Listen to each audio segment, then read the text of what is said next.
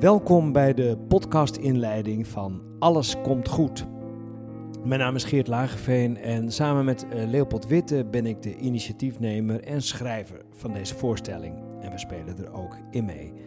Eh, het is een voorstelling met een lange aanloop. In 2015 las Leopold een artikel van Rutger Bregman over wetenschapper Peter Kropotkin. Een oude Russische wetenschapper en tegenhanger van Darwin die liet zien dat dieren in crisissituaties geneigd zijn samen te werken.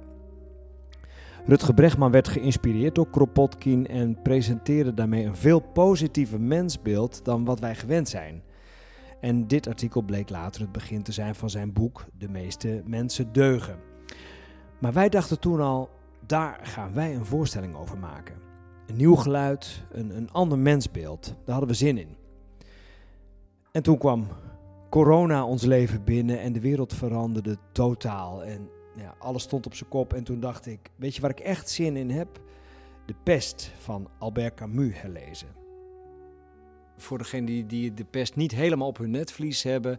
Uh, in een stad, ergens ter wereld, uh, breekt uh, een epidemie uit. het blijkt de pest te zijn. Ze mensen dachten dat het niet meer zou kunnen in de moderne tijd. Toch is het de pest. Er zijn ontzettend veel slachtoffers. Uh, het is een vreselijke ziekte. En er is één dokter, dokter Rieu, en die gaat de strijd aan met de pest in de zin, die doet haar werk. Mensen probeert ze te genezen, ze probeert faciliteiten te creëren. Uh, en, ze krijgt daarbij hulp van niet-medische mensen die een ziekenhuisje gaan runnen. En die doen dat zelfs ook tot hun eigen stomme verbazing. Uh, er zijn personages die willen weg uit die stad. En als ze dan de kans krijgen, dan gaan ze toch in dat ziekenhuisje werken. Dat is een soort mooi magisch element van die voorstelling. Tot onze verbazing bleek het een onderliggende thematiek te hebben die nauw aansloot waar we mee bezig waren. Dat de mens in crisissituaties geneigd is te helpen. Want, zo legt Leopold Witte uit. Even in te haken. Even de kernzinnen die wij uit het boek haalden. Dus helemaal aan het eind. Dan zegt de hoofdpersoon, dokter Rieu. Eh, de plaag, de pest, heeft mij geleerd dat er in de mens meer te bewonderen valt dan te verachten. Leopold Witte, Belle van Herikhuizen, zij is de regisseur van de voorstelling, en ik spraken tijdens de repetities met cultuurfilosoof en Camus-kenner Jan Drost over de pest en het gedachtegoed van Camus.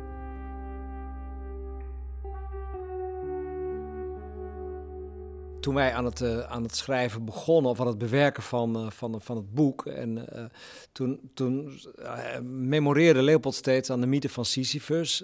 nou, en ik wou daar niet aan, want ik zei, hou nou toch eens op over die Sisyphus, want ik word depressief van die Sisyphus. En zei Leopold, nee. Ik zei, maar ik zie een mannetje voor me, ja, Sisyphus is, is, is, is een, een, Griekse mythe van een man die steeds een rotsblok tegen een berg aanrolt.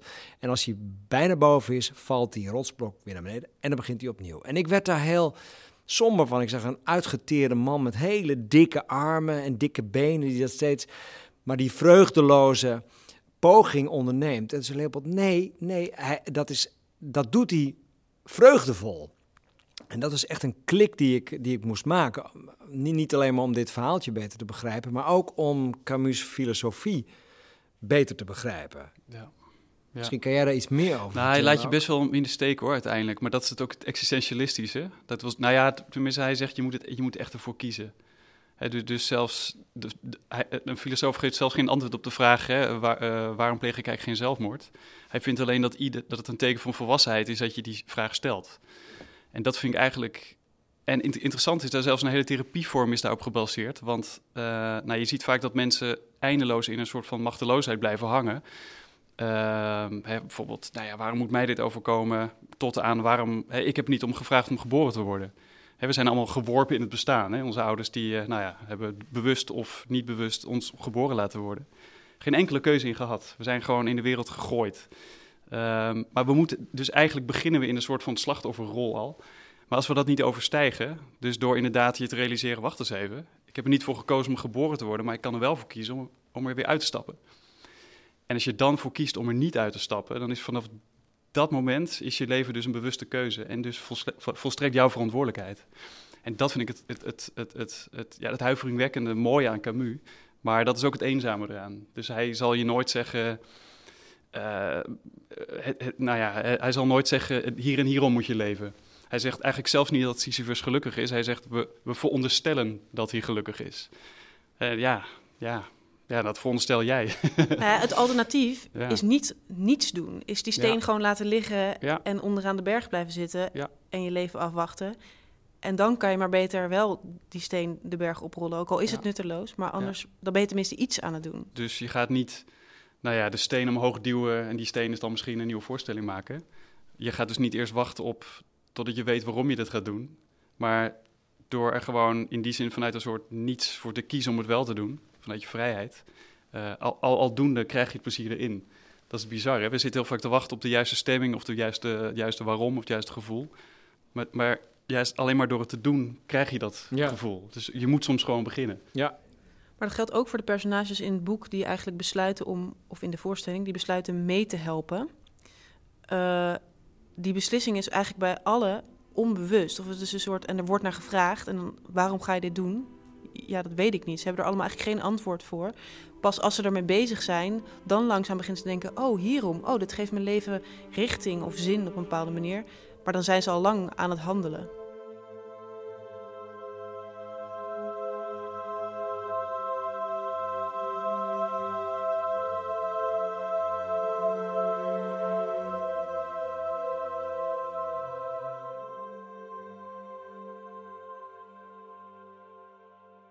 Nu een voorstelling te maken over corona, dat zou ik echt eh, niet kunnen. Ik zou, want dan zit je met allerlei actualiteit. En het, het, het fijne is dat Camus gaat gewoon een tandje dieper in alles. Alles is heftiger. En ik heb het gevoel dat we, dat we met deze voorstelling daardoor een soort, ja, een soort spiegel op onze tijd kunnen werpen. Maar ook een tandje dieper daarin kunnen zakken. En eh, mechanismes kunnen gaan begrijpen. Dingen die er om ons heen aan de hand zijn en die er met ons aan de hand zijn. En dat, dat voel ik ook nu we aan het doen zijn, dat het bijna een soort contemplatie is over waar we, waar we met z'n allen in zitten. Ehm, met een aantal gedachtes waar we misschien ook wel mee verder kunnen. Ja, nou, de pest was überhaupt al een metafoor, hè? ook Ja. voor Camus. Dus ik Ja. vind het heel mooi dat het, dat het... Je, je moet het eigenlijk juist niet over corona hebben, want dan is het inderdaad iets waar mensen volgend jaar niet meer mee, bezig zijn, denk ik. Maar juist dat dit überhaupt al een metafoor is. Ja, alle Eh, dat is de actuele kracht. eh, eh, dingen die hebben we ook allemaal eruit gehaald. Ja, alle verwijzingen. Nou, voor Ja. mij gaat het, corona en de pest allebei, ook heel erg over ineens een sterfelijkheid die weer eh, naar voren komt. En in het geval van de pest in het boek, dat het ook allemaal, eh, ja, is het in die tijd een hele vooruitstrevende stad en, en alles gaat goed. En ja, de, het hele sterven is een soort van naar achterkamertjes eh, verbannen. En dat is bij ons natuurlijk nu ook. De dood hoort helemaal niet meer bij het leven, maar door ineens door zo'n plaag ligt dat ineens weer op ons bordje en moeten we ons daartoe verhouden. En doordat we ineens ons tot de dood moeten verhouden, moeten we ons ook weer opnieuw tot het leven verhouden. En ik vind dat eh, in het boek en ook nu in het echte leven, wat er heel erg aan de hand is en ook iets heel moois. Eh, ja, jouw personage vraagt op een gegeven moment van, denk je dat de pest ons iets, eh, iets kan leren? Dit vraagt ze aan Leopold. Ja, sorry. Dat, ja, Tarou, het personage. En nou, ik denk dat dat, het uiteindelijk, dat dat er uiteindelijk wel naar voren komt. Die, die, die, dat hebben we ook in de voorstelling, eh, willen we het daar heel erg over laten gaan. De dood, de alomtegenwoordige dood. En als je dat gewoon weet, daar gaan we allemaal naartoe. Dat kan je als een soort deprimerend en zinloos eindpunt vinden. Maar ook als je je daar juist eh, van bewust bent dat dat punt gaat komen, dan kan je daarvoor dan is het inderdaad een bewustere keuze om alles daarvoor, eh, ja, Met meer Met- lading en meer met meer lading, met meer gevoel, met meer bewustzijn en, en liefde ook te beleven. En misschien ook met meer met elkaar dan. Omdat De je- dood is de ultieme verbindende factor. hè? Ja, precies, bedoel, precies. eh, iedereen maakt zichzelf wijs dat het voor de rest geldt, maar niet voor mezelf. Ja. Maar Ja. eh, op een dag voel je, oh nee, dat is niet helemaal waar.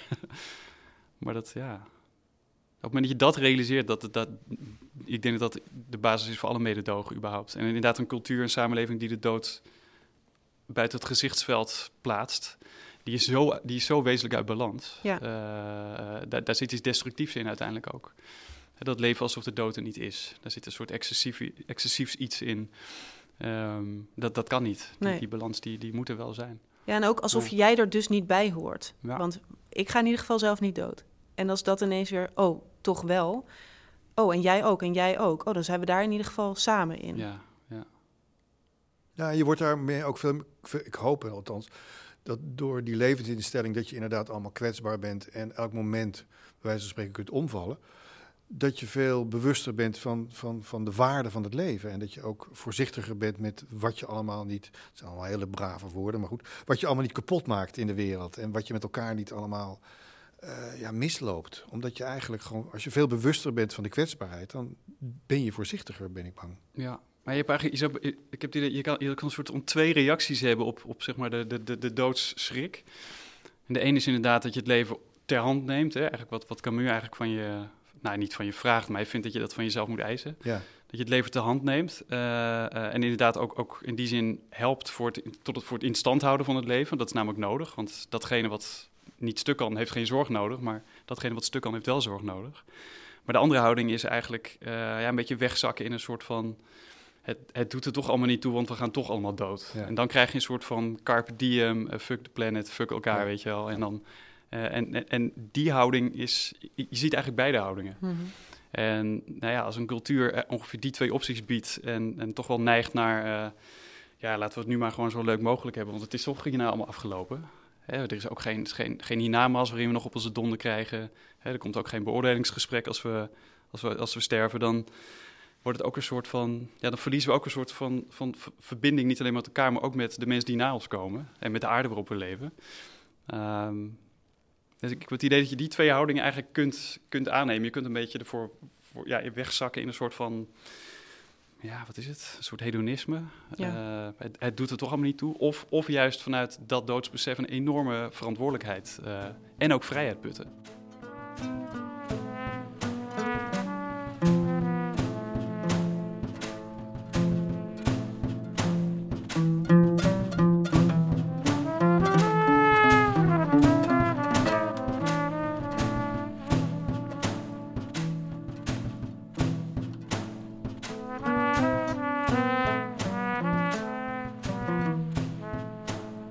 Mij bestaat de waarde van deze voorstelling voor een heel groot gedeelte uit wat ik meegemaakt heb de afgelopen maanden en wat ik nog steeds meemaak. Bijvoorbeeld als het gaat over heldendom. Uh, daar, hebben we het, uh, daar, daar ging het veel over, de heldendom in de zorg. En ja, Camus applaus. zegt daar hele interessante uh, dingen ja. over die mij echt aan het denken hebben gezet. Toch bellen? Ja, zeker. Ja, ik vind de mooiste zin uit het uh, stuk, boek, weet ik eigenlijk niet of het ook in het boek zit. Van, ik ben niet geïnteresseerd in heldendom en heiligheid. Wat mij interesseert is mens zijn en leven. En leven, dat is niet berusten. Dus gewoon, het gaat over handelen. Ik ben trouwens heel blij dat jullie voor, uiteindelijk voor de Camus zijn gegaan. Uh, om daar een stuk op te baseren. En, want nou ja, waar je het begin over had, hè, de, de, de meeste mensen deugen. Of nou, eerst heette het de mens deugt en ja. toen de meeste mensen. Ja, ja, ja, dus misschien wordt het steeds iets minder bij elke hart. Sommige mensen. Um, er is één alleen mens. ik. ik deug. Ik weet, ja, precies. Het speelt zijn laatste Door Rutger Bregman. maar um, nou ja, ik, ik vind er dat iets heel wonderlijks in zitten. Dat, nou ja, de, de vraag, zijn wij goed of kwaad? Dat, dat is, daar zijn we al eeuwenlang mee bezig. Maar in een antwoord op die vraag zijn we dan, sinds de wetenschap opgekomen is, zijn we eigenlijk niet naar onszelf gaan kijken, maar naar het dierenrijk. Mm-hmm. Dat vind ik zo'n wonderlijk iets. Dan ga je dus inderdaad naar allerlei apensoorten kijken, of, of weet ik veel, pinguïns of, of, of prairiewoelmuizen. Ik heb een hele lezing bijgewoond van een bioloog die ons iets ging vertellen over hoe de menselijke seksualiteit werkt aan de hand van prairiewoelmuizen. ik, ik, ik, weet niet precies het verschil niet, maar... Ja, met, slakken, ja. met slakken hebben wij het gedaan. Ja, ja, ja. ja en dat, maar dat, we vinden dat zo vanzelfsprekend. Hè? En, en wat we dan heel graag willen is namelijk... En ik denk eigenlijk dat we toch weer onze vrijheid willen on, ontduiken... en onze verantwoordelijkheid ermee willen afwerpen. Dat is, willen we eigenlijk hopen eigenlijk dat er een keer een wetenschapper komt die zegt... Jippie, er is uit onderzoek gebleken dat we van nature goed zijn. Of we zijn van nature empathisch, of we zijn van nature geneigd tot weet ik veel wat. Um, dus die, die, die, dat gevroed in, in de natuur naar een soort sprankje aangeboren goedheid... die ons vanzelf wel tot het goede zal brengen. Je zou het ook een soort van luiheid kunnen noemen. En een soort van, ja... Ja, elk moment is een keuze. Nou ja, daar ben ik zo blij met Camus. En, en hè, het, hele psychologiseren eh, lijkt afwezig. Hè? Het, hele vroeten inderdaad in biologische oorsprong is afwezig. Om, het doet er namelijk allemaal niet toe. Het doet er niet toe. Hè? Ik bedoel, als ik nu een artikel lees op weg naar huis... Uh, weet ik veel... mannen zijn van nature uh, geneigd tot agressie of weet ik veel, of geneigd tot, nou weet ik veel, allemaal, noem maar, noem iets naars. Of tot hebzucht. En, en, ik vind, en, ik, en ik zie daarna op het moment daarna een, portemonnee liggen of zo, gevuld met geld. Ja, dan kan ik wel denken, ja, ik heb net gelezen dat ik van nature hebzuchtig ben, dus ik kan hem nu dus meenemen. Ja, en ja, ik weet niet of, de, of, of een politieagent dat echt een goede verklaring vindt. En andersom, als ik net heb gelezen, ik ben van nature goed. Oh, en ik zie iemand die hulp nodig heeft. Ja, nu moet ik wel. Weet je, we hebben niks aan die informatie eigenlijk. Of we van nature goed of slecht zijn. Want we moeten inderdaad kiezen voor goed of slecht. Dan wil ik toch wel even Rutger Bregman verdedigen. Want ik, ik was zeer geraakt. En ik geloof ook wel in. Ik ben vader, ik voed kinderen. Of heb ik opgevoed. Uh, uh, je, um, en ik heb ook een pleegdochter, die op een andere manier is opgevoed dan mijn eigen kinderen. Uh, en daar zie je wel een verschil in welke stem, welk, welk vertrouwen voed je. Voed je het kind vol met, met wantrouwen en kijkt het kind op die manier om zich heen en groeit het op? Of voed je het kind vol vertrouwen en ontmoet het op die manier vertrouwen? En uh, ja, het is maar net hoe je naar de wereld kijkt en hoe je dus ook reflecteert en wat je oppikt. Dat negatieve komt juist voort omdat dat beeld al, al, decennia lang wordt gevoed dat we van nature slecht zijn. Ja, ja. ja. Maar, ja, maar dat is ook niet waar. Hè? Dus, en dan is het alternatief om dan maar een, een ander verhaal te vertellen dat we van, van nature goed zijn. Maar beide verhalen schieten tekort. Nee, dat je vertrouwen, kunt ja, ik geloof ook wel, ik weet niet of de mens goed is of slecht is. Maar, je maar kunt doet wel... niet toe, want dat vertrouwen gaat er juist over dat je de wereld tegemoet reed. Uh, en dat je mensen zult ontmoeten die... Uh, uh, die, kunnen kiezen, ja. die kunnen kiezen om jou met liefde te behandelen. Die kunnen uh, kiezen om, om, om uh, betrouwbaar te zijn, zeg maar wat. Maar ik denk wel dat het goed is om meer ook van dat soort verhalen de wereld in te slingeren. Omdat wij, als, je ons, als je je hele leven wordt doodgegooid met de, de mensen slecht, alleen maar dat soort verhalen. En de woelmuis is ook slecht, kijk maar. ik denk dat daar opvoeding, maar ook berichtgeving, het nieuws en ook de kunsten daarin een verantwoordelijkheid hebben om ja, ook een po positiever verhaal de wereld in te slingeren. En niet precies wat jij zegt, een soort deterministisch van nee, we zijn goed, kijk maar. Uh, maar wel ook een positiever geluid. Dat, wel dat de mens een keuze heeft, maar dat de mens niet altijd voor het slechte kiest. En... Nee. Nou, ik wil toch veel liever eh, leven in een maatschappij die, die niet gebouwd is op controle en straf. Zeker. En, ja. en, en, en, en, schuld op schuld op schuld bouwen. Maar gewoon op, door mensen eh, in eerste instantie vertrouwen te geven en ruimte. Ja. Uh, en open deuren, waardoor, waardoor mensen de kans krijgen, in ieder geval. Maar er is toch geen positiever verhaal, denk ik, dan vrijheid? Dat we dus de keuze hebben om, om het gewoon te verpesten en om, het, om een goede keuze te maken. Die, die twee kanten, die, vrijheid heeft een schaduwzijde, maar een positiever verhaal dan dat zou zou ik niet, weet je, dat, ook, ook niet in het opvoeden. Dat, dat is niet hoe we in elkaar zitten. We zijn gewoon mensen die gewoon beide kanten op kunnen. En, en dat vind ik wel het meest, het, meest ware verhaal, of het, meest reële verhaal over wie we zijn. En het feit dat we opvoeden suggereert al dat we niet geloven in determinisme natuurlijk. Als dan, ja, dan hoef je niks te doen, alleen maar af en toe wat eten in te stoppen. Uh, maar ja, is het feit dat je, dat je de wereld wil laten kennen en probeert te laten zien, je moet vertrouwen hebben, maar je moet ook keuzes maken. En je kunt inderdaad ook voor het slechte kiezen, maar ik hoop je te kunnen leren waarom je dat niet moet doen. Ja. Hè, dat, dat is het. En wat vind je dan van onze titel? Alles komt goed. ik hoop het heel erg. Ja, ik vind het een hele hoopvolle titel. Ja. Ja, dat is natuurlijk een kreet die mensen eindeloos naar elkaar geroepen hebben. Ja. Uh, ja. komt eigenlijk vanuit Italië en heeft de hele wereld over gegaan. Ja. Uh, oh. En dus iets van dat gevoel van, nou ja, wat ik ook zeg, wat Rutger Bregman ook zei. Ik wil gewoon, wilde gewoon eens een keer een ander geluid laten horen. Dat nee, hebben we dan nog... daarvoor, absoluut. Ja. Nee, dat, dat is hij bedoelt het ook provocerend, hè, in ja. mijn idee. Ja. Hij, hij, hij, schetst niet de wereld zoals die is, maar hij, hij schetst gewoon heel hard, overdreven hard, een hele positieve boodschap. Omdat hij weet meer dan van, welkom wat dat betreft. Ja, hoor. omdat hij weet dat waar trot toch als een salamiworst wordt er toch wel afge, afge, afgebrand. Maar dan blijft er in ieder geval iets over wat wel toch wel een beetje in balans is. Maar dan heb je tenminste iets, hè? Want, want inderdaad eenzijdig, uh, we, zijn, we zijn slecht enzovoort. Nou ja, daar, daar is een beetje de hele politiek op gebaseerd inderdaad. Uh, en, en daar dan nu tegen, tegenover iets anders. Het, het, het, mooiste wat er dan kan gebeuren is dat mensen zich gaan afvragen, ja, wie heeft er nou gelijk? Ja. En, en misschien dan welke kant wil ik op? Ja, nou ja, precies. En dan uiteindelijk misschien, ja, ga ik nu de rest van mijn leven al die onderzoeken met elkaar vergelijken? Of inderdaad komt het er maar op aan dat ik dan bij gebrek aan wetenschappelijke onderbouwing dan maar inderdaad zelf moet kiezen. Ja. Bij, als, ik, als ik toch mag kiezen tussen twee soorten onderzoeken, dan kies ik toch maar liever voor die ene. Ja. Eh, en je dan realiseren dat dat wel een keuze was. Omdat je daar misschien Ja. ook gelukkiger van wordt. Ja, ja. tuurlijk. Dat denk ja, ik wel, dat dat denk ik toch. wel, Ja. ja. dat geloof ik ook.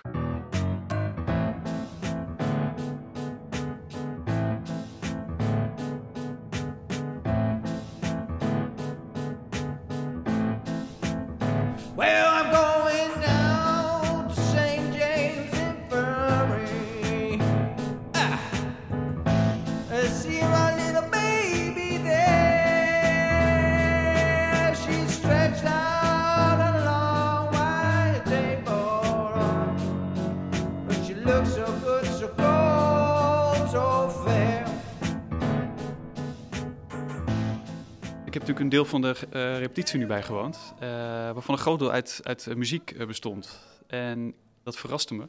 Huh. In een hele positieve zin trouwens. Dat, dat boek in ons stuk, dat speelt zich af eh, in een stad die in- in quarantaine is. En continu, continu is die ziekte aanwezig en continu is de dood aanwezig. En ergens moet die dood en die ziekte, en dat, eh, dat moet voelbaar zijn. En dat is voelbaar in de muziek, zonder dat wij het benoemen. En op de een of andere manier, zonder reden, verzetten wij ons daartegen. Maar die muziek gaat maar door. Je hebt het decor en daaromheen eigenlijk lopen de hele tijd muzikanten die verschillende requiems spelen. En dat gaat gewoon maar door en maar door en maar door. En dat is of de weg naar het graf, of een soort de ja, New Orleans of de Mexico, de dag van de doden. Dat soort optochten. En dan daartegenover de, de arbeid eigenlijk die de hele tijd plaatsvindt. Ehm, onze keuze is toch handelen. Toch die stenen berg op, op duwen. eh, toch tegen de klippen op eh, die, die doden of die, die zieken gaan verzorgen. Het risico nemen. Het, het leven is altijd een eh, hospice en nooit een hospitaal. Maar dus alle ja, overwinningen van de artsen zijn tijdelijk. Maar dan toch doorgaan en doorgaan en doorgaan. En eigenlijk dat is steeds opnieuw die keuze tegenover ja, die eh, onvermijdelijke dood. Dus eigenlijk die twee dingen tegenover elkaar. Dat is een beetje de gedachte. Ja, ja. ja, anders leef je alsof je al dood bent. Dat is ook Ja, een vrij matig alternatief. Ja. Ja. Ik merk dat dat heel lastig is als ik in, nou ja, in gesprek met mensen die dan nog wel hè, echt geloven in, in, in nou ja, dat het allemaal ergens naartoe gaat. Een weg die al vast ligt. Dus alles wat ik doe is eigenlijk noodzakelijk daarvoor. Eh, ehm, dat het heel moeilijk is om dat op een positieve manier te zeggen. Ik vind Camus doet dat wel, want die doet, er zit zo ongelooflijk veel levensenergie in. Mm. Zoveel levenskracht. Dat is waanzinnig gewoon. En, en ja, de passie en de opstand. En ja, gewoon, oké, ja, eh, het slaat nergens op. Niemand zegt iets terug. En toch blijven schreeuwen. Ja. En toch, Ja, je kunt ook zeggen van nou, wat heeft het allemaal voor zin? Ik, ik, ik, ik, ik ga mijn eigen gang, ik ben een egoïst. Dat was hij absoluut niet. Hij hield heel erg van het leven, maar hij, hij deelde, hij, hij was betrokken, hij, was, Hij voetbalde. hij voetbalde. heel veel vrouwen. Heel veel vrouwen. Eh, ja, je moet iets met al Hij die tijd. danste, hij zwom, hij sportte. ja. Ja. Dat vind ik ook een hele pre- prettige houding in het leven. Ja. Als, als ik nu niks meer zou zeggen, dan had jij het laatste woord gehad. Maar dan ga ik nog wat zeggen. Hey, dankjewel Jan. Hartstikke fijn ook wat je zegt over die keuze. Dat eh, inspireert me ook weer eigenlijk. Dat ik denk van ja, dat is... Het is niet goed of het is niet slecht. Het is niet te simpel. Ze heeft de bonnen boven. Verge- Laten we de dieren gewoon vergeten. Ja, Ja. we zijn geen woelmuis.